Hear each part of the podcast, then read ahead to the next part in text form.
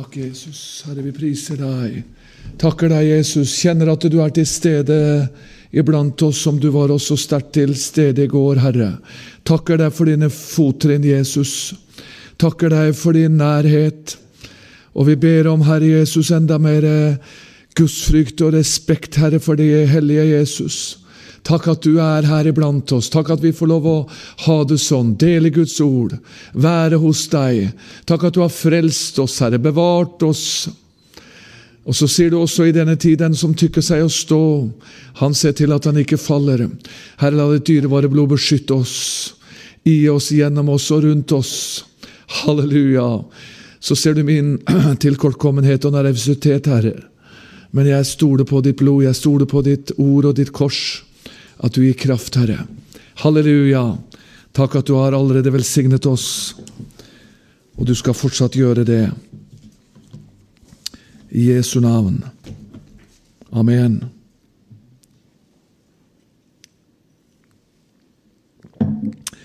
Vi skal slå opp. Det er også i, i Hebrevbrevet. Det går en herlig tråd, det her. Nå har ikke vi snakka med hverandre, hvis dere lurer på det. altså. Vi har ikke gjort det. Hebrevbrevet kapittel 11 skal jeg ta utgangspunkt i kveld. Takk for i går til dem som var her, og godt å se andre som har kommet i kveld. Og herlig å se Morgan. Blei så velsigna å se Morgan igjen, som ikke velsignet så veldig resten av møtet. så gjør ikke det nå. Eh, godt å se Morgan, en trofast Herrens tjener, og står ved og er trofast med i tjenesten samtidig med sin jobb. Og han har også en nydelig familie som jeg også har blitt veldig glad i når jeg er, har besøkt dem den siste årene jevnlig der en gang eller to i året. Jesus velsigne deg, Morgan. Både Harry her, kjære broder Harry og Morgan var inne på her med, med Kristus ypperste prest og dette med den første pakt, andre pakt, evige pakt, bedre pakt. Jeg hadde tenkt egentlig å bevege meg inn i noe annet, men jeg kjente allerede i går i avslutningen av møtet og, og slikt at jeg, jeg kom ikke forbi at skulle, vi skulle gå enda mer inn i dybden og bredden og høyden i Kristi blod, Kristi forsoning, ut ifra Det gamle testamentet.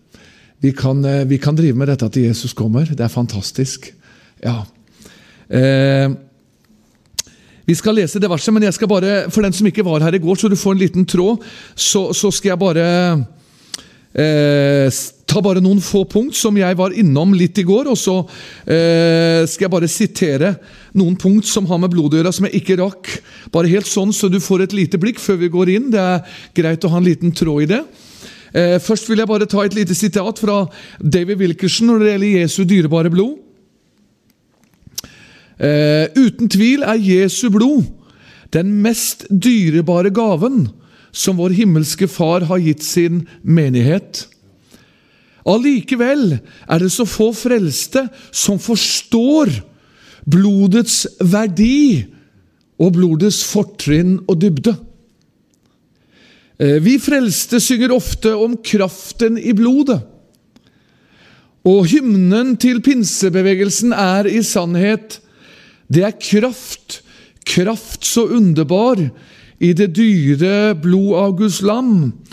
Men mange av oss frelste går sjelden inn under kraften og dybden i dette blod. Ofte forstår vi ganske ikke den store betydningen av blodet.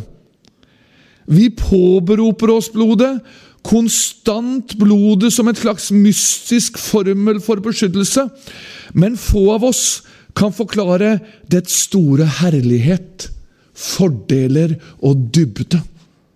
Og venner, dette er mektig. Dybden, høyden og bredden i Kristi blod. Det er fantastisk. Eh, og det vi så på i går eh, Vi tok utgangspunkt i 'Når jeg ser blodet' i andre Mosebok. Ja, og Det er jo mange bibeltimer der som vi ikke kunne stanse ved, men vi stansa litt ved, ved 'Når jeg ser blodet'. Vi kan være ufullkomne. Eh, vi har mange feil. Vi kjenner både det ene og det andre. Men når Gud ser på oss, så ser han oss gjennom Kristus. Han ser blodet. Og så var vi innom dette med skåla. At skålen som var full av blod etter at de hadde ofret, den hadde ingen virkning når han bare sto ved dørterskelen. Nei, men måtte ta av blodet og stryke på det øverste dørtreet og ved side. Da, da, fikk, da fikk det kraft, det fikk virkning, det fikk dybde. Halleluja. Eh, og La meg bare få lov å ta noen punkt angående det vi var innom. Så lenge Dette er allerede nevnt, dette med skåla. Men så måtte blodet altså løftes, stenkes, for å fullføre beskyttelsen av blodet. Er du med? Vi må bestrykes, øverste dørtre og sidestolpene. Alt må være under Jesu blod. Så så vi også inn i tabernakelet, inn i ypperste presten og prestene, hvor hele legemet måtte bestenkes i blodet. Alt vi har, sinnet vårt, tanker, gjerninger. Vi kan gjemme ting for hverandre, men Gud ser alt. Alt må inn under blodet. Det blodet som fløt på Golgata, ble ikke spilt. Det rant ikke til marken og forsvant. Nei, det dyrebare blod, det ble samlet opp til en himmelsk kilde. Du, vi har dette blodet i en himmelsk kilde hele tiden. Det er der til fornyelse, til forvandling og til menneskers kraft. Og Jesu blod i ditt liv, når du blir bestenket, det er ikke bare en tilgivelse. Det er viktig, men det beskytter deg mot djevelen, mot Satan, mot alle ting som kan komme på. Det er en kraft. Det er en mektig beskyttelse. Og så var det mange ting, men til, vi var innom på slutten at når de blir renset, så blir de Og det er viktig da blir de skikket til å være i Guds nærhet. Blodet gjorde at de var skikket til å være i Guds nærhet. Og så var vi innom ypperstepresten, som vi har hørt om her også i dag, som gikk inn én gang i året. Men han måtte gå inn med blod. Ja. Og så var vi innom disse nydelige uttrykkene som står i 30-oversettelsen. Bestenket, krystet. Blodet ble krystet. Blodet ble sprengt, som et bilde på Jesu blod på Golgata i lidelsen, når han ble slått. Det ble krystet, det ble sprengt. Vi ble bestenket. Hør, min venn, du er beskyttet, uansett hva djevelen vil angripe deg med. Når du er under blod, er du trygg. Du kan få lov å hvile i ham. La meg bare ta som en parentes før vi leser og går inn i teksten i kveld. Vi kan ofte føle oss elendige og føle oss ingenting. Og, og, og kjenne liksom det at eh, Nå har jeg ingenting. Eh, jeg bruker aldri så ofte å, å dele hjertet mitt sjøl som på talerstolen, men jeg har hatt en litt sånn i dag, sånn mentalt i dag. Jeg var på Moa en stund der noen timer og kikka litt og gikk litt rundt og gjemte meg i mengden blant folk. Eh, var litt mentalt sliten, du blir det blant. Kjente det at jeg sa til Jesus, samtale litt med Jesus. Og sa det til Jesus nå, nå kjenner jeg meg litt sliten mentalt og kjenner at jeg er litt trett eh, underveis i reisen. Jesus står at Jesus var trett av reisen, og så satte han seg ned. Ikke på grunn av reisen, men underveis på reisen. Og Så sa jeg til Jesus egentlig så har jeg lyst til å reise hjem nå, for jeg kjenner jeg har ingenting. Ikke kan preke, og ikke har jeg noen teologisk, teologisk utleggelse. Jeg har kun ditt ord, men jeg går med ditt ord. Og så har du lov til å fylle det. Ja. Og Så sa jeg litt til Jesus også at uh, den dagen menigheten ikke har bruk for ditt ord, så får jeg bare prakke snippesken, og så får jeg gå litt ut på gater og streder. Eh, litt som en parentes, Hans Svartdal sa det. De siste, Han var jo en høvding i pinsebevegelsen. Jeg fikk lov å ha han på en del bibelhelger der jeg var forstander. Og så sa han John Willy, tenk at det er blitt sånn, dette er jo noen år siden. Tenk at det er blitt sånn, John Willy sa han, at eh, det er menigheter jeg har fått lov å vært og undervist i mange år. Eh, men så sier de plutselig til meg nei, vi vil ikke ha besøk av deg, Hans, fordi at du forkynner for mye Guds ord. Du leser for mye Guds ord. Tenk at så langt har vi kommet, John Willy Sand. Men vi er i den tiden. Den vil gjerne ha det som klør i øret, bare. Og vil du ha det som klør i øret og fine prekener, så kan du gå ut med en gang, holdt jeg på å si, for du får ikke det av meg.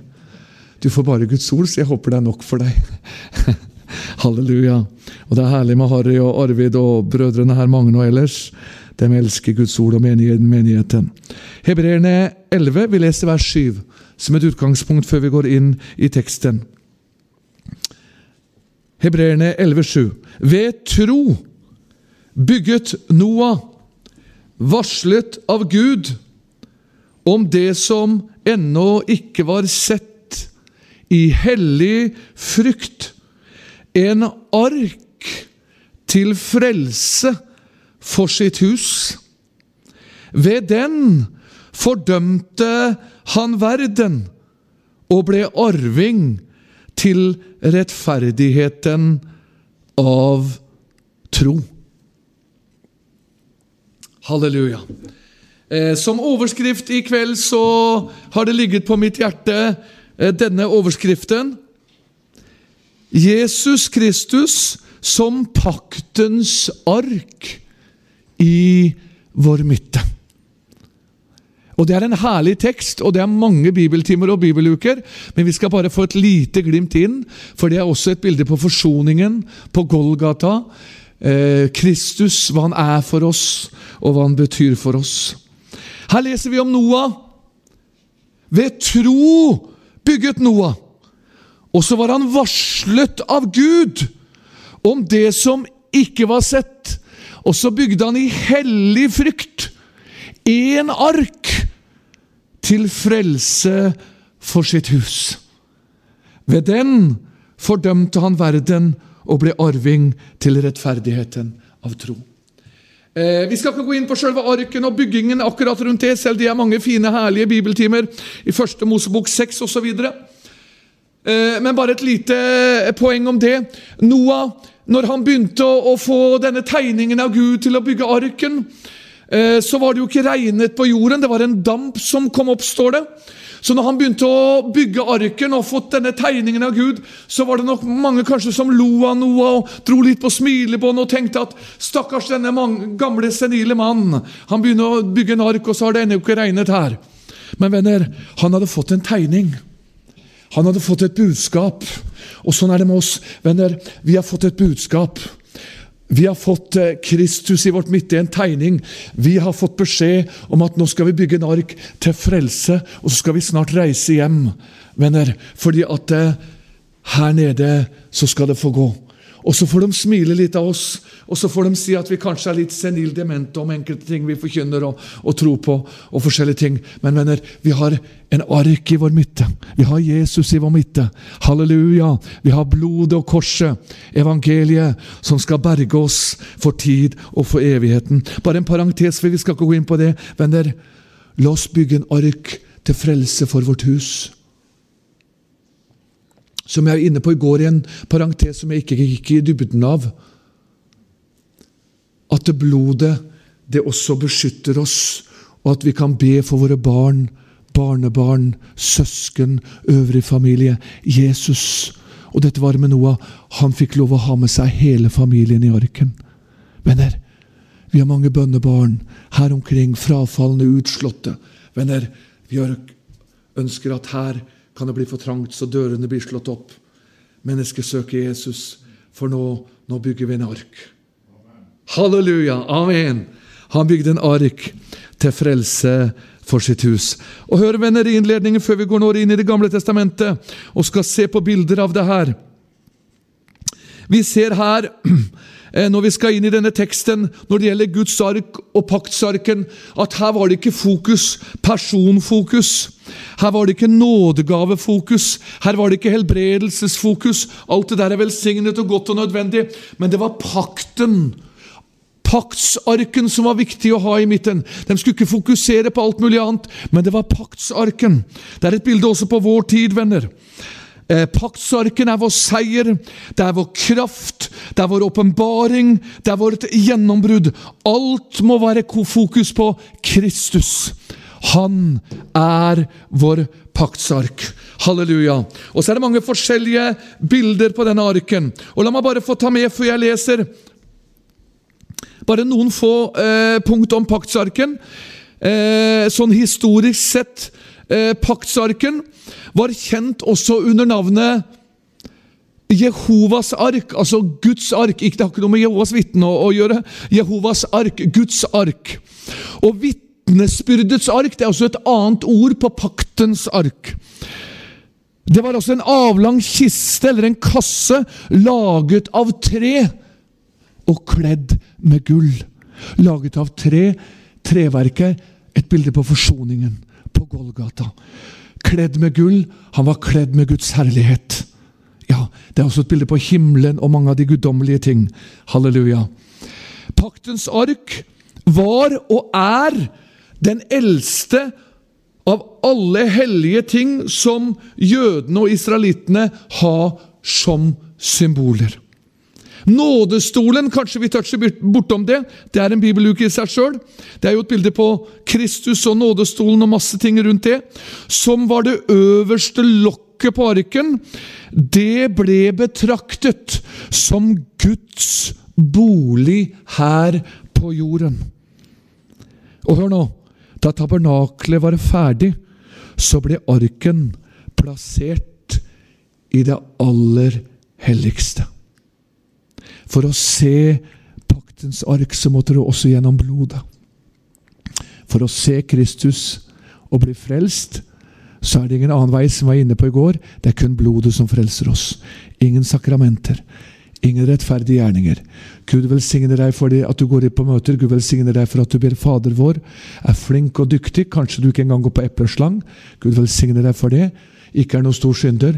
Men venner, alle må gjennom blodet. Paktens ark gjennom Kristus. Halleluja. Skal vi inn i Det gamle testamentet og se på bilder av Kristus? 2. Mosebok 25. Vi skal gå nå hvert eneste punkt her som i går. Det er bibeltimer, men vi skal se. Det er vidunderlig å gå gjennom, som jeg sa i går. Vi slår opp i 2. Mosebok 25. Som jeg sa i går, det er litt vemodig at dagens oppvoksende generasjon, en del i mange menigheter, de har ikke de, de har, har, altså ikke peiling Unnskyld uttrykket, men det er et uttrykk sørpå. De har ikke peiling på Det gamle testamentet. De leser det nesten ikke. Men mener, dette er grunnlaget. Eh, Gud ga oss Gamle testamentet, ja, for Israel, for jødene, for masse andre ting. Men det var først og fremst Kristus som er grunnlaget for alt sammen, for å vise alt der fremme. Før verdens grunnvoll ble lagt. Er du med? Så videre. Det er Kristus gjennom alt, i alt, rundt alt. Herlig? Halleluja. 2. Mosebok 25 har jeg notert meg. Skal vi bare lese noe om arken der? Her får jo Moses Det begynner i kapittel 24, hvor han lever i åpenbaring med Herre. Han stiger opp på fjellet osv. Du kjenner til det. Vi leste litt i går fra kapittel 24. Og så får han tegningen om tabernaklet, og så leser vi om arken. 2. Mosebok 25, og så leser jeg fra 10 til 17 for korthets skyld. Det er om paktsarken, hvordan den skulle tegnes og gjøres og lages. 2. Mosebok 25, 10 til 17. 2. Mosebok 25, 10-17. De skal gjøre en ark av akasietre, halv tredje alen lang halvannen alen bred og halvannen alen høy. Den skal du kle med rent gull. Både innvendig og utvendig skal du kle den med gull. Og du skal gjøre en gullkrans på den rundt omkring. Du skal støpe fire gullringer og feste dem i de fire føtter på arken. To ringer på den ene side, to på den andre. Så skal du gjøre stenger av akasietre og kle dem med gull. Og du skal stikke stengene inn i ringene på sidene av arken, så arken kan bæres på dem. Stengene skal bli i ringene på arken. De må aldri tas ut av dem. Og i arken skal du legge vitnesbyrde som jeg vil gi deg. Så skal du gjøre en nådestol av rent gull, halvannen tredje alen lang og halvannen alen bred. Amen. Vi avrunder her. Jeg så ikke noe klokke på veggen, så jeg må bare ha telefonen min så ikke han fillerister meg hvis jeg driver for langt, han Harry. Så jeg må se på klokka, hvis ikke som jeg, i går kan vi drive til langt utpå natta. Venner, her ser vi en kort historikk. Hovedlinjene vedrørende Guds paktsark. Moses, første punkt. Moses bygget paktens ark på hva da? På Guds befaling. Det var Guds befaling. Mange sier i dag ja, dette med Jesus, dette med Gud og alt dette her, det er jo menneskelig. Det var mennesker som gjorde det og det og skrev det. Nei, det er på Guds befaling vi gjør det. De talte drevet av Den hellige ånd. Det var mennesker som skrev, men det er Gud som har gitt sin åpenbaring. Han var på fjellet, han fikk åpenbaring. Venner, paktens ark, alt med Kristus, det er befaling ifra Herren. Nå til jeg hovedlinjer, og så har vi her mange detaljer vedrørende arken, som er detaljer og mektige ting på nytestamentlig menighetsliv. Det har vi ikke tid til å ta. jeg får heller komme tilbake og ta en god del bibelhelger etter hvert. Så fikk dere den. Men eh, her står det om, om arken. Her står det bl.a. om stengene, som er et bilde på Den hellige ånd. De skulle alltid være i arken. Ja, måtte aldri tas ut. Den hellige ånd skal gjøre at vi er levende hele tiden. De skulle kles med gull, leser vi flere ting. Det er et bilde på det guddommelige fra himmelen. Er du med? Ja, Fire gullringer. Firetall er et guddommelig tall. Finner det igjen i apostelgjerningene 2.42. Postlenes lære osv. osv. Er du med? Ja, Det er mange ting her som er et bilde på, på Kristus. Du skal gjøre stenger av akasietre. Bilde på forsoningen. Golgata. Er du med? Ja. Og lokket på arken som kaltes nådestolen, som Herren troner over, og som det på den store forsoningsfesten ble oversprengt med soneofferets blod. Ja. Herlig. Overs Jeg elsker de uttrykkene. Oversprengt, krystet, bestenket. Alt på meg er under Jesu blod. Fantastisk. Altså, punkt én. Paktsarken var på Guds befaling. Så går vi til fjerde Mosebok. Punkt to. Fjerde Mosebok, kapittel tre. Levis barns stamme skal vi lese om her. Fjerde Mosebok har jeg notert kapittel tre. Og så skal vi lese Her er masse bilder skjønner du, på nytestamentlig menighetsliv og på Kristus. Hva han er og betyr for oss. Fjerde Mosebok, kapittel 3 og vers 15 og 31 skal jeg ta ut. Det er masse vers her. Du kan lese kapitlene når du kommer hjem, men jeg må bare ta ut noen vers for tidens skyld. Her leser jeg vers 15 og 31. Hør. Du skal mønstre Levis barn etter deres familier og etter. Alt mannkjønn fra den som er en måned gammel og oppover, skal du mønstre. Og så hopper jeg til vers 31. Og legg merke til på uttrykkene her. Det de hadde å ta vare på, altså Levis barn, det var arken, bordet, lysestaken, alterne, helligdommens redskaper som bruktes ved tjenesten, og forhenget og alt arbeidet derved. Halleluja! Det var altså noen i Guds menighet, hør, som fikk i punkt to, som fikk i oppdrag av Gud Herren å ta vare på paktens ark. Levis barn skulle bl.a. ta vare på paktens ark. Venner, hvor er røstene i dag som tar vare på paktens ark? Det klare evangeliet, osv., osv. Er du med? Vi må ha noen som løfter opp og ta vare på det guddommelige, hellige, som Herren har gitt oss. Er du med? De tok vare på paktens ark. Halleluja. Går vi videre til punkt tre, vi går videre for tidens skyld. Eh, raskt her. Fjerde Mosebok, for jeg må ha med meg en del punkt her. Fjerde Mosebok, kapittel ti. Du kan studere dypere når du kommer hjem. Notere gjerne ned. Fjerde Mosebok, kapittel ti. Og så leser jeg vers 33. Tar ut det for tidens skyld her også. Fjerde Mosebok kapittel 10 vers 33. Hør. Så drog de dra fra Herrens berg, tre dagsreiser frem, og Herrens paktsark drog foran dem. Halleluja, det er så nydelig uttrykk her. De tre dagsreier, dagsreiser for å søke et hvilested for dem. Halleluja. Og nå ser jeg inn i hva Kristus har gjort for oss. Det er sånne deilige uttrykk. Så drog de fra Herrens berg. Halleluja. Tre dagsreiser frem. Her kommer tretallet frem også. Det er masse guddommelige tall. Tretallet er bl.a. et bilde på den treenige Gud. Ja, er du med? Ja.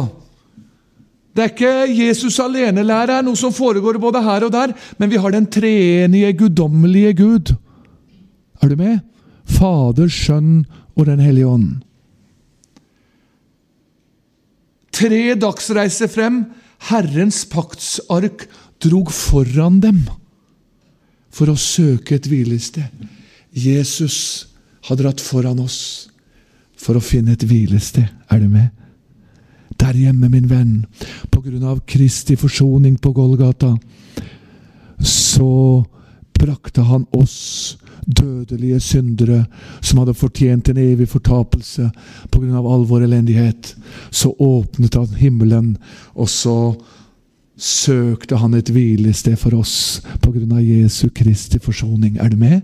Fantastisk budskap. Altså, paktens ark, punkt tre, var i deres midte og dro alltid foran dem.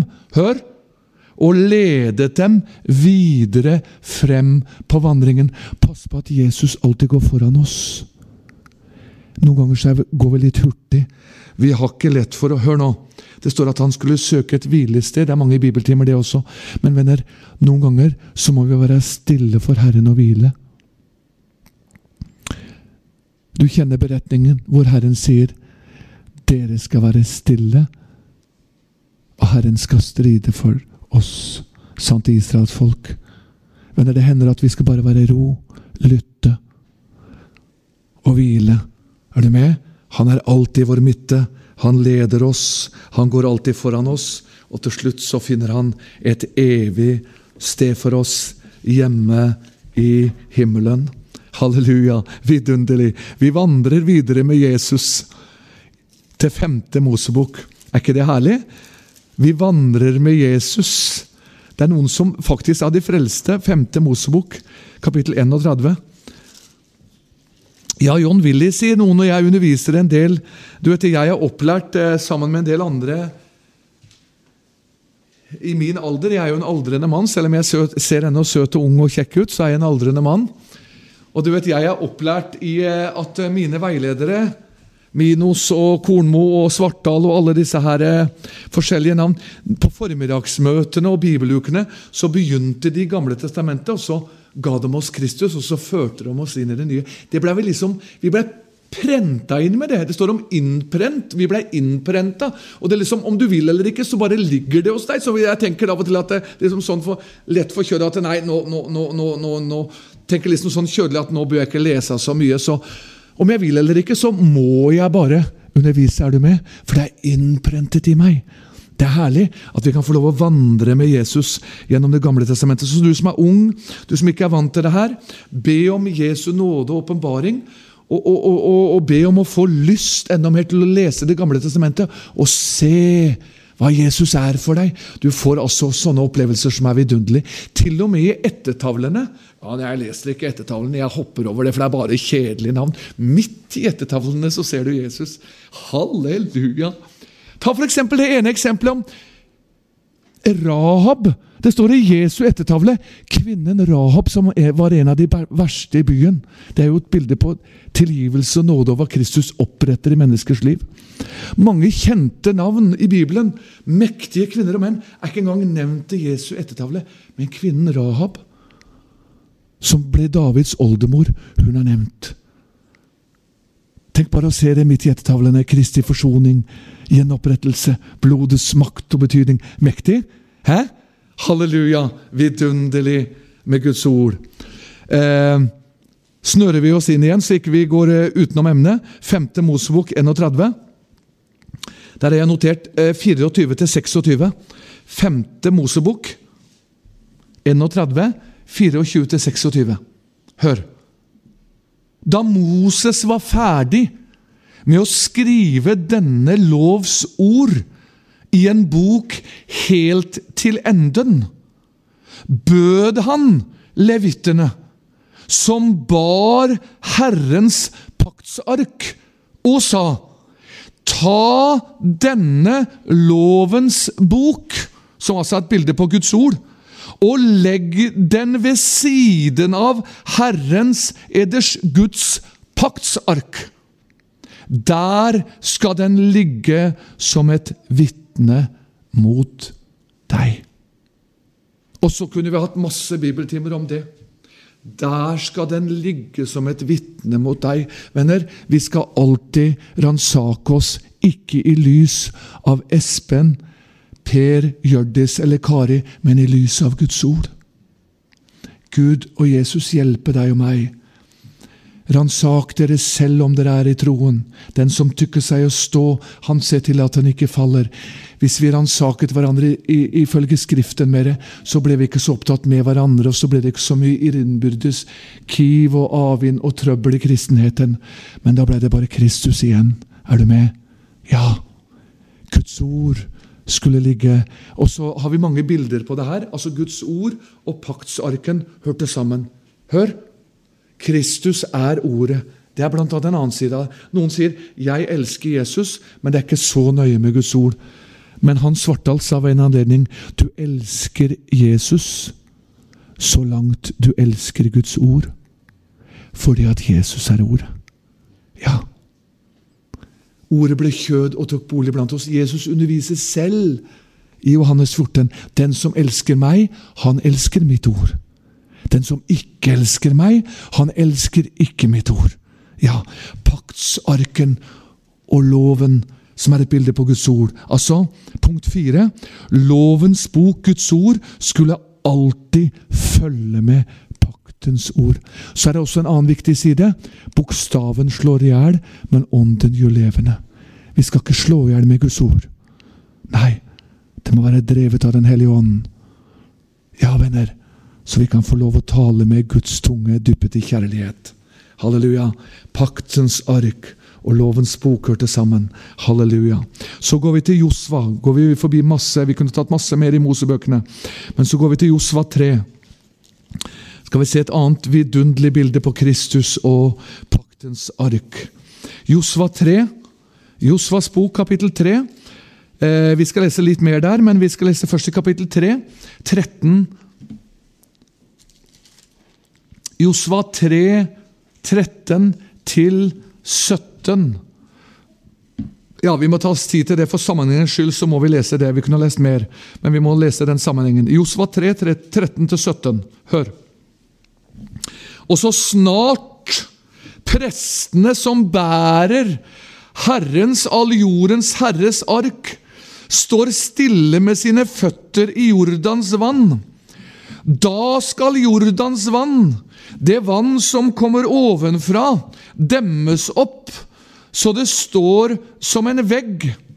Da nu folket brøt opp fra sine telt for å gå over Jordan, og prestene bar paktens ark foran folket, og de som bar arken, kom til Jordan, og de prester som bar arken, rørte med sine føtter ved den ytterste rand av vannet. Men Jordan gikk over alle sine bredder hele høsttiden igjennom.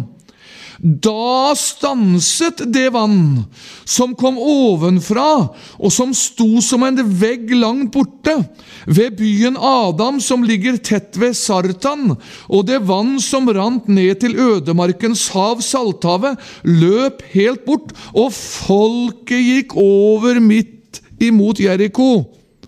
Men prestene som bar Herrens paktsark, sto på tørr grunn, halleluja, midt i Jordan, uten å røre seg, og hele Israel gikk tørrskodd over, inntil hele folket var kommet vel over Jordan. Halleluja! Nå sto jeg i Jordan, og nå var jeg med, og nå kom det masse tekster til meg, men det må jeg prøve å, å, å skyve vekk. Venner, et herlig budskap. Her er det jo nydelig mange andre tekster og bilder på Kristus. De bar paktens ark. Og så står det at de prester som bar arken, rørte ved det ytterste av Jordans rand, altså overflaten.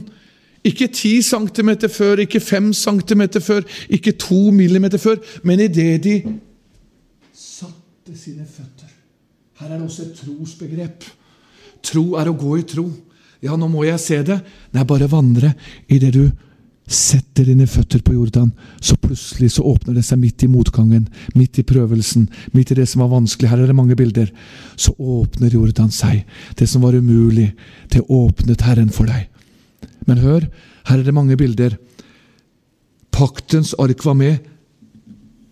Jordan åpnet seg ikke på grunn av prestene pga. deres åndelige medaljer og navn og så forskjellig. I vår tid i dag, i vår såkalte kristenhet, skulle du tro det. De såkalte helbredelsesforkynnerne og nådegaveforkynnerne som blir selv i fokus.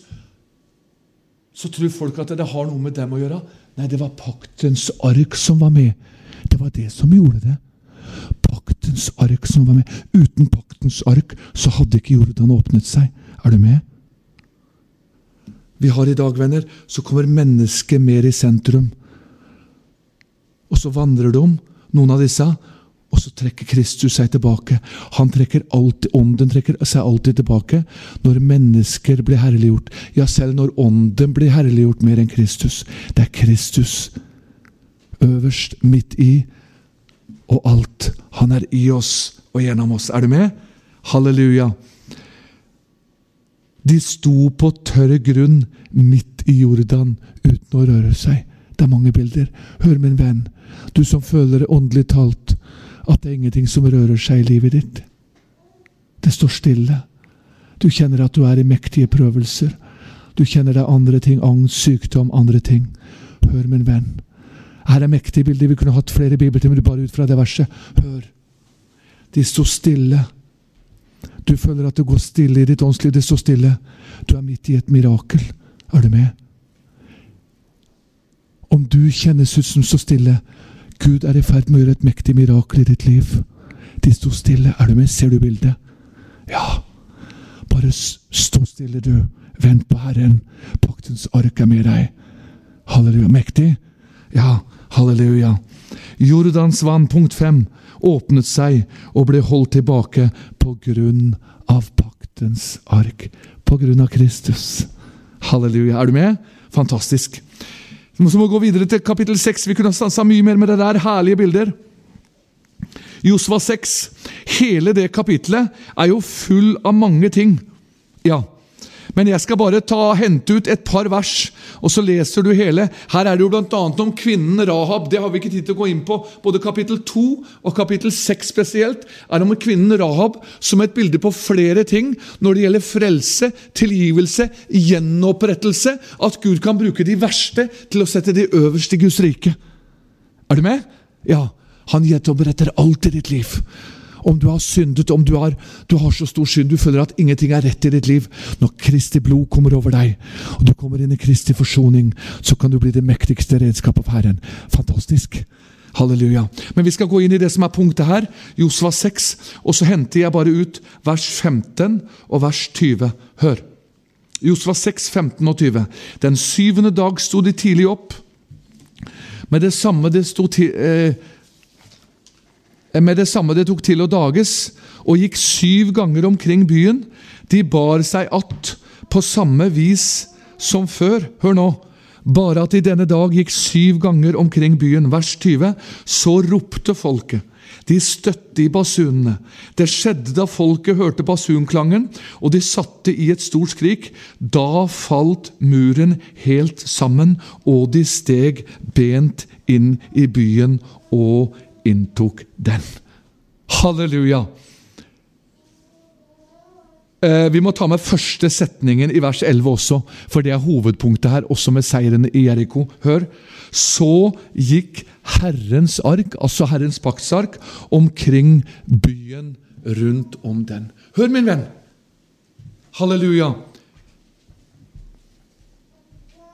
Dette er altså punkt seks. De inntok Jeriko og seiret over fienden, som er et bilde på alt som vi kan seire over, som er et bilde på motstand, fienden, djevelen. De seiret over Jeriko, over fiendene, på grunn av hva da?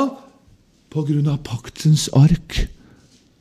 Det var ikke på grunn av at de først og fremst gikk syv ganger. Det var viktig at de gjorde det Gud sa. Sånn og sånn og sånn. Men det var på grunn av at paktens ark var i deres midte. Er du med? Halleluja! Det var for at Kristus var i deres midte. Fordi at Kristus er i ditt liv. Gud velsigne alle nådegaver, og Gud velsigne alle tjenestegaver. Og Gud velsigne alt vi har i Guds rike. Det er viktig. Men hvis vi ikke har paktens ark her, hvis vi ikke har Jesu herlighet her, så er det intet. Men han er i vår midte. Derfor så seirer vi i Jesu navn. Halleluja, i Jesu navn. Og så kunne vi tatt mange andre bilder. De bar seg att på samme vis som før. Det er noen som sier til oss Nei, nå er det han John Willy og, og disse herre som skal utpå igjen. De tror, de, de, driver med dette her enkle evangeliet. De driver og forkynner igjennom Jesus. og De driver med dette de har drevet med. De har ikke vett på at de lever ikke i vår tid og finner på noe nytt. Nei, de bar seg att på samme vis som før. Halleluja! Ikke la deg fordømmes, du bare driv på! Bare rusle rundt Jeriko, du. Halleluja! Nei, det går ikke så fort med meg, sier du. Jeg har litt staver åndelig, og jeg har litt krykker, og det, det går ikke så fort. Nei, men bare rusle rundt Jeriko! Paktens ark er med! Halleluja! Er du med? Ja. Og så faller murene rundt omkring deg og rundt omkring menigheten. Og så blir det seier både på den ene og andre området, fordi paktens ark er ved midtet Halleluja. Fantastisk. Ja, det er herlig. Halleluja. Første Samuels bok, kapittel 5. Nå skal jeg begynne også begynne å avrunde. Første Samuel 5. Det bruker jeg å si en 8-10-15 ganger. Jeg sa det flere ganger i Bergen også. Jeg skal prøve å avrunde. Det er ikke lett for hopperen. Han har oppdrift vet du, også, også avslutte. Da går det langt ned, men jeg skal gjøre et forsøk. Første Samuel 5 skal vi lese her også et vidunderlig bilde på paktens ark og på, på, Kristus og på forskjellige ting. Første Samuels bok, kapittel 5. Hele kapittelet her kan du lese når du kommer hjem.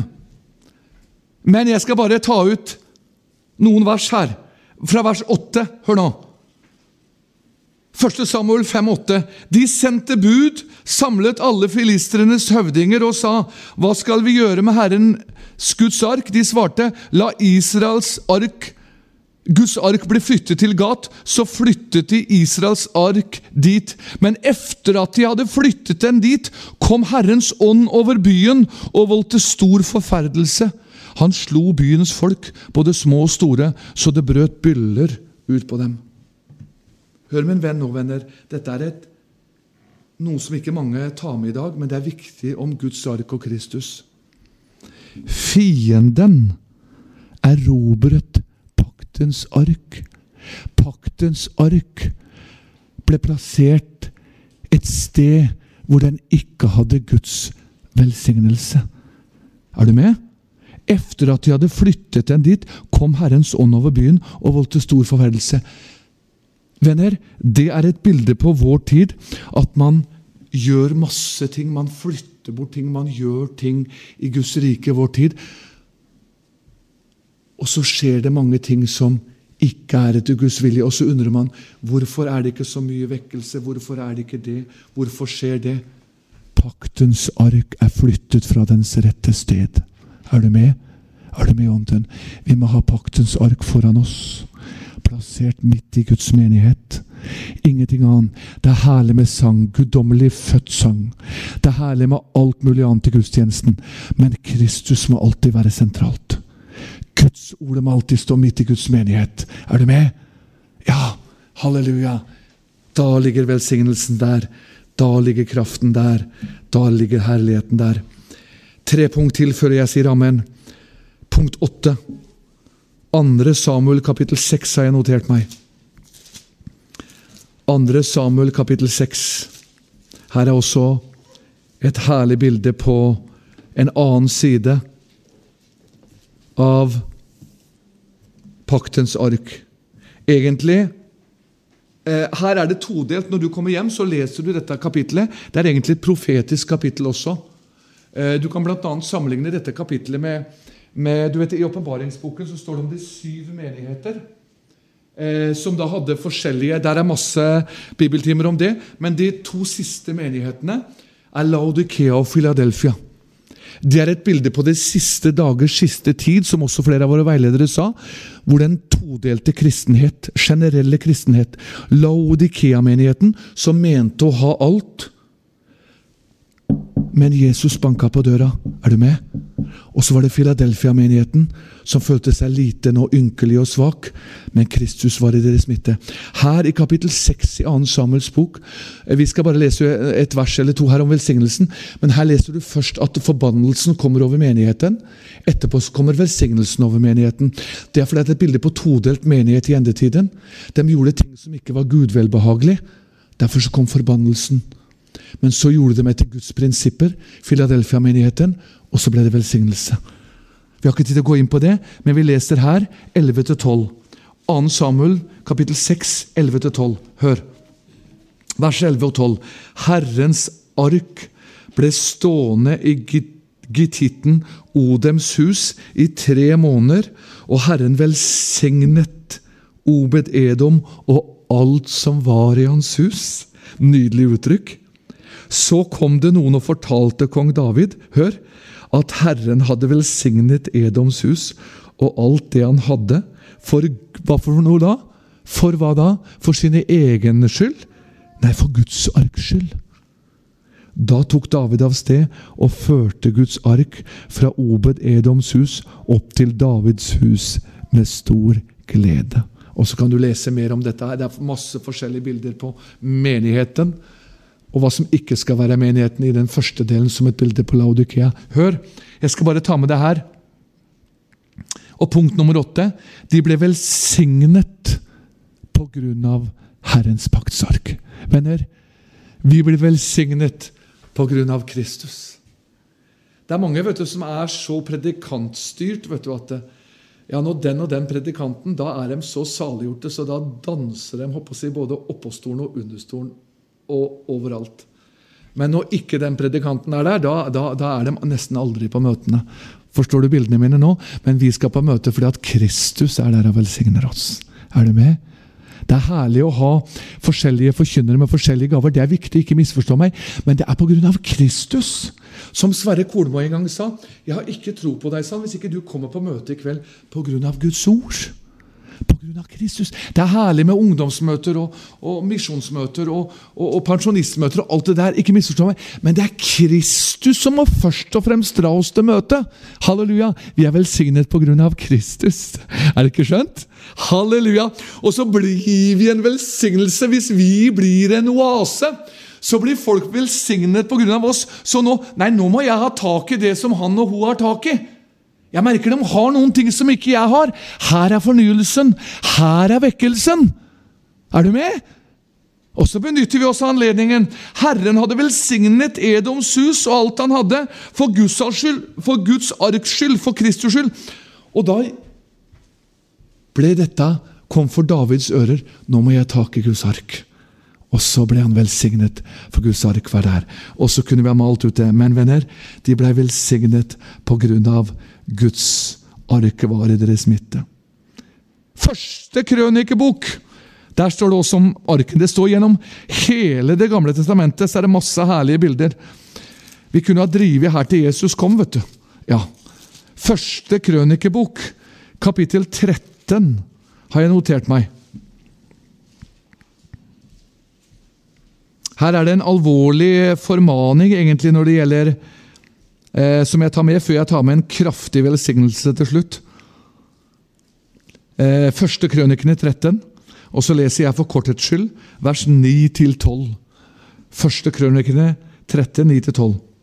Da de kom til Kidons treskeplass, rakte Ussa sin hånd ut for å ta fatt i arken, for oksene var blitt ustyrlige. Da opptente Herrens vrede mot Ussa, og han slo ham fordi han hadde rakt sin hånd ut mot arken, så han døde der for Guds åsyn. Men David ble ille til mote fordi Herren hadde slått Ussa ned. Derfor er dette sted blitt kalt Peres Ussa like til denne dag. Hør nå! Den dag ble David oppfylt av frykt for Gud og sa, altså Guds frykt. Hvorledes kunne jeg kunne føre Guds ark inn til meg? Inn til meg. Altså, Han var opptatt av sitt selvegne strev, og så var det en ulydighet. Her har jeg notert meg punkt 9. Ulydighetens ytterste konsekvens. Hør nå, punkt 9.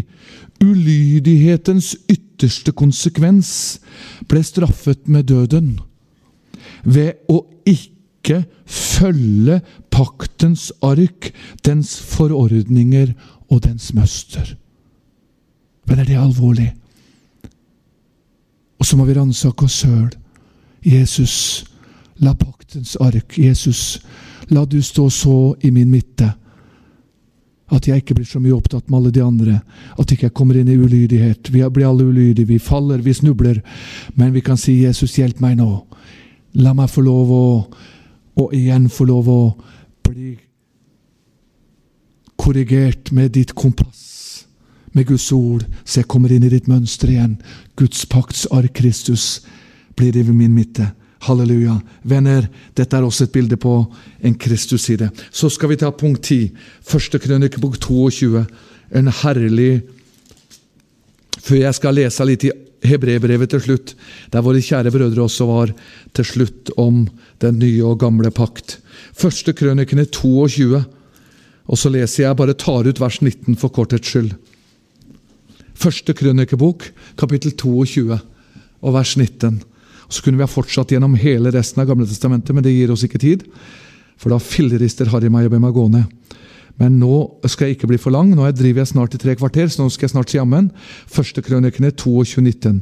Vend nu deres hjerte og deres sjel til å søke Herren deres Gud. Hør! Og gjør dere rede, og bygg Gud, Herrens helligdom. Det er mange fantastiske, nydelige uttrykk. Så dere kan føre Herrens paktsark og Guds hellige kar inn i det hus som skal bygget, bygges for Herrens navn. Her er det mange forskjellige sider på Kristus. Har ikke tid til å gå inn i, men jeg har notert meg som hovedpunkt i punkt 10 det himmelske kart. Guds veiledning til paktens ark kan føre oss inn, trives, så vi blir hos Herren. Venner, det er Guds veiledning, det er Guds kart, altså kompass. Det er det Han har å gi oss, som fører oss inn i Guds velsignelse. Inn til Kristus. Halleluja. Så dere kan føre Herrens paktsark og Guds hellige kar, de forskjellige kar, bl.a. deg og meg, vi er helliggjort i Kristus, inn i det hus som skal bygges for Herrens navn. Men vi er i et hus, vi er bare i et jordisk hus. Han skal løfte oss videre til Herrens hus. Han forbereder oss for det himmelske.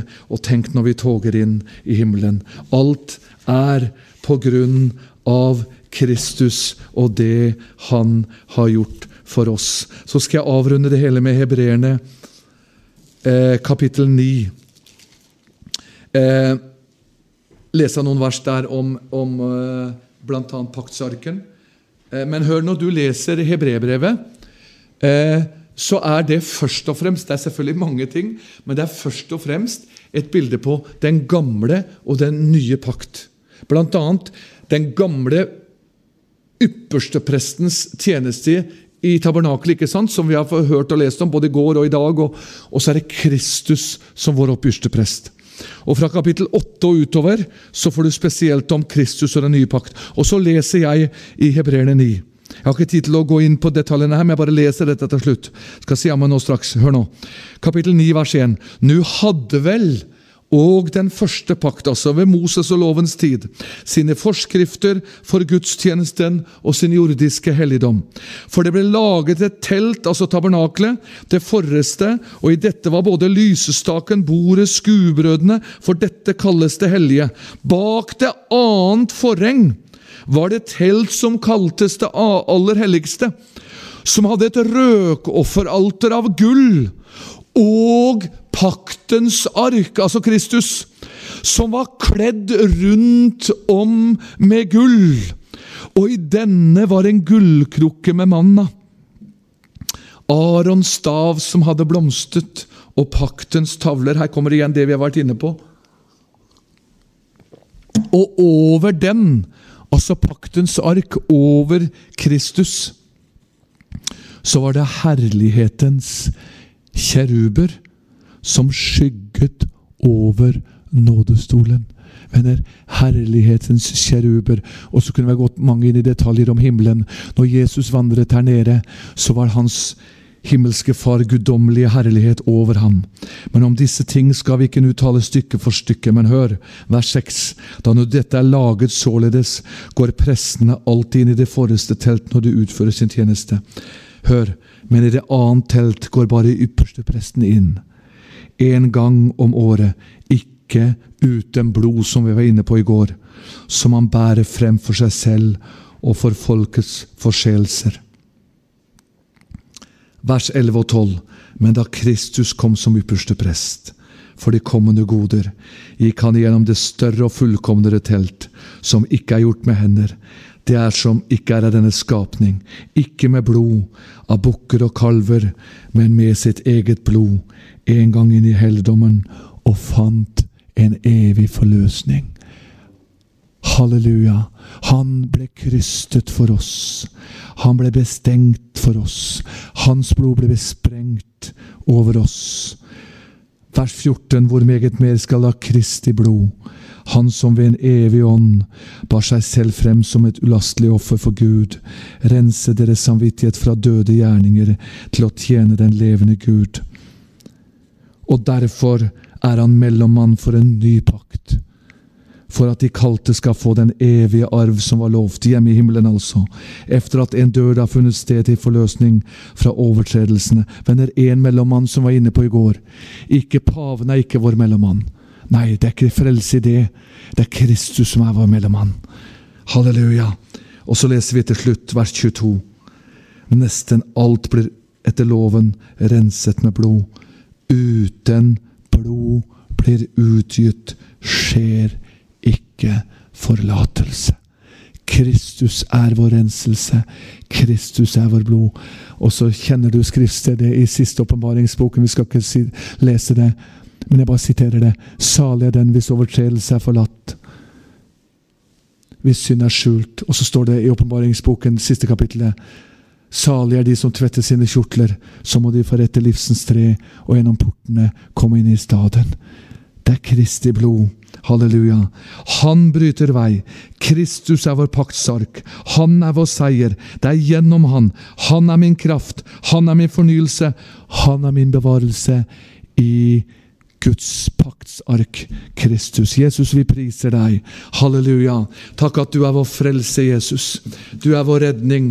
Du er vår paktsark, Jesus. Vi takker deg for din frelse. Halleluja.